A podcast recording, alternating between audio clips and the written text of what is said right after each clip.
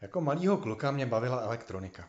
Stavěl jsem si rádia, zesilovače, počítače a všude doma jsem měl spousty součástek. Těžko byste na zemi hledali místo, kam šlápnout. A to bylo moje království a já jsem tam byl králem. Od osmi let jsem věděl, že tohle je moje cesta. Chodil jsem do kroužku elektroniků, pak na elektroprůmyslovku a nakonec na vysokou školu na měřící techniku. No prostě elektronik tělem a duší. Skoro od narození. Tenkrát jsem se seznámil s přístroji Hewlett Packard a zamiloval jsem se. Ne do té firmy, ale do té kvality a krásy, skvělé techniky, ergonomie a čistého designu. Chtěl jsem taky vyrábět takové přístroje. Jednoduché na ovládání, přesné, rychlé, takové, které si člověk zamiluje. Líbil se mi Apple a mým vzorem byl Steve Jobs. Stejně jako on, i já jsem chtěl tvořit svůj sen. Tvořit krásné věci a měnit svět. Založil jsem vlastní firmu na výrobu elektroniky a software. Vyráběli jsme a dosud vyrábíme platební terminály a pokladní systémy. První rok budování firmy ten byl skvělý. Makal jsem na 100% a tvořil jsem svůj sen. Navrhoval jsem platební terminál a psal jsem software. To mě celý život bavilo a tak jsem byl ve svém živu. Nikdy jsem nežil tak naplno jako tehdy. No, co jsem ale netušil, že podnikání není jenom o tom tvořit produkt. Přicházely první starosti a provozní problémy. Zákazníci chtěli podporu, občas se něco pokazilo a někteří zákazníci neplatili a vůbec těch starostí bylo čím dál víc. Postupem času provoz zežral úplně všechen můj čas, radost a energii. Musel jsem přijímat lidi, školit je, vyhazovat, přijímat nové lidi, řešit reklamace, cashflow, právníky, rozbitá auta, pohledávky, problémy ve výrobě. Uf, už toho bylo moc. Ten provoz mě ubíjel. Z tvořivého kluka plného energie se stal unavený správce. Staral jsem se o to, aby se ostatní měli dobře, no ale mě samotného to teda totálně likvidovalo. Měl jsem pocit, že jsem úplně neschopný. Měl jsem svoje sny, ale ty se zdaly být tak daleko. Všechno mi padalo na hlavu a přestože jsem měl kolem sebe schopné lidi, tak firma nefungovala. Bylo toho na mě prostě moc a vůbec jsem neuměl delegovat práci a řídit lidi. Chodil jsem domů pozdě, unavený, otrávený, naštvaný. V práci to stálo za nic, no a doma taky tak. Takhle jsem si podnikání nepředstavoval a už jsem fakt měl chuť to zavřít. No jenom, že já se nikdy nevzdávám. Takže jsem šel na kurz o řízení firmy a prostě jsem se rozhodl to změnit. Nastavil jsem nějaký procesy a začal jsem řídit lidi. Jo, fakt jako dělal jsem úplně všechno pro to, aby firma začala konečně nějak fungovat. No ale vlastně mi to vůbec nebavilo. Protože jako seděl jsem každý pondělí na poradě, rozdával úkoly, jo, psal na papír, co jsem komu zadal, za týden zase ten stejný seznam jsem procházel úkol po úkolu, abych zjistil, kdo co měl udělat a neudělal. A ani ty lidi to nebavilo. Poslouchat každý týden, na co zase zapomněli a co neudělali. E, oni by možná i chtěli dobře pracovat, ale nevěděli jak. No a já jsem to taky nevěděl. No a po nějaký době jsem zjistil, že pracujeme zadarmo. Vážně. Čím víc jsme toho dělali, tím to bylo horší. Požadavky na podporu od klientů přicházely tak rychle, že jsme ani nestíhali zapisovat, co pro koho jsme udělali. Práce bylo hodně a peněz bylo málo. No, my jsme ty peníze dokonce vyhazovali oknem. Když už jsme horko těžko sehnali nového zákazníka, udělali jsme mu nabídku a tím to skončilo.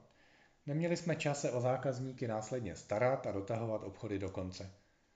Možná by byl i čas, ale nevěděli jsme, jak to dělat. V té hromadě firemní agendy už jsme se ani nevyznali. Neměli jsme přehled o tom, co jsme kdy komu nabídli a kdy jsme s ním mluvili naposled. Hmm, neprodávali jsme a firma šla pomalu ke dnu. Po dlouhé době jsem si vzal dovolenou. Konečně. A úplně jsem vypnul. Najednou jsem měl možnost vidět věci jinak, z nadhledu, z jiné perspektivy. Viděl jsem, jak se ve firmě všichni snažíme dělat to nejlepší, ale místo toho, aby jsme nějak koordinovaně a podle plánu fungovali, tak jsme jenom tak pobíhali sem tam jako mravenci od ničeho k ničemu. A já jsem si uvědomil ten obrovský chaos a došlo mi, že potřebujeme systém. No a tak jsem ho začal hledat. Chodil jsem na veletrhy, prezentace, brousil jsem po internetu a hledal jsem nějaký nástroj, který by mi pomohl firmu zorganizovat a řídit. Můj záměr byl najít něco jednoduchého, nějaký jednoduchý informační systém, který by nám opravdu a každý den pomáhal. Něco, kde bude vidět, kdo na čem dělá, kolik času propálil a no vůbec. Nějaké místo, kde budeme mít všechny kontakty na klienty, kde uvidíme, kdo s kým co řešil, budeme tam mít všechny informace, soubory, budeme nějak spolupracovat jako tým. No a našel jsem několik fakt jako schopných informačních systémů, které by snad uřídili i továrnu na výrobu aut. Tohle všechno bylo ale tak složité. Spoustu dialogů, tabulek, nastavení, práv, číselníků, šablon. Fuj, jako s tím přece nemůže nikdo pracovat. Navíc to bylo tak nechutně drahé. No a rozhodně jsem v tom nemohl jednoduše zadat asistence úkol nebo zjistit, kdo co dělá. Jako do tohohle jsem fakt nešel. Jsme celkem malá firma a potřebujeme něco jednoduchého. Tohle ne. No a pak se objevily takové moderní, krásné, sexy aplikace, do kterých jsem se hned zamiloval. Běžely na webu, na počítači, na mobilu a člověk to měl pořád sebou. Wow, tohle bylo prostě super. Asi znáte Trello, Asanu, Slack, Basecamp. Tyhle aplikace jsou úžasné. Nemusíte nic kupovat, instalovat, zálohovat. A ono to prostě funguje. Vyzkoušel jsem jich asi 65. Stalo mě to spoustu času. Některé z nich jsem se pokusil používat a začlenit je do firmy. Jo, bylo to hezké, barevné, dělalo se s tím dobře, ale narazil jsem na velký problém. Každá taková aplikace umí jenom něco a řeší jenom kousek toho, co potřebujeme. Ale potřebovali jsme 8 aplikací na to, aby naše firma mohla fungovat. 8. Dovedete si to představit? Zakládat každému zaměstnanci účet v 8 aplikacích, zaškolit ho do 8 aplikací a řešit uživatelský práva? No a to není všechno. V každé aplikaci jsme měli data. Něco bylo na více místech, muselo se to přenášet z aplikace do aplikace. Nevěděli jsme, kde máme tu poslední verzi. No hrůza. Po několika měsících marného hledání metodou pokus omyl jsem si řekl a dost. Tudy cesta nevede.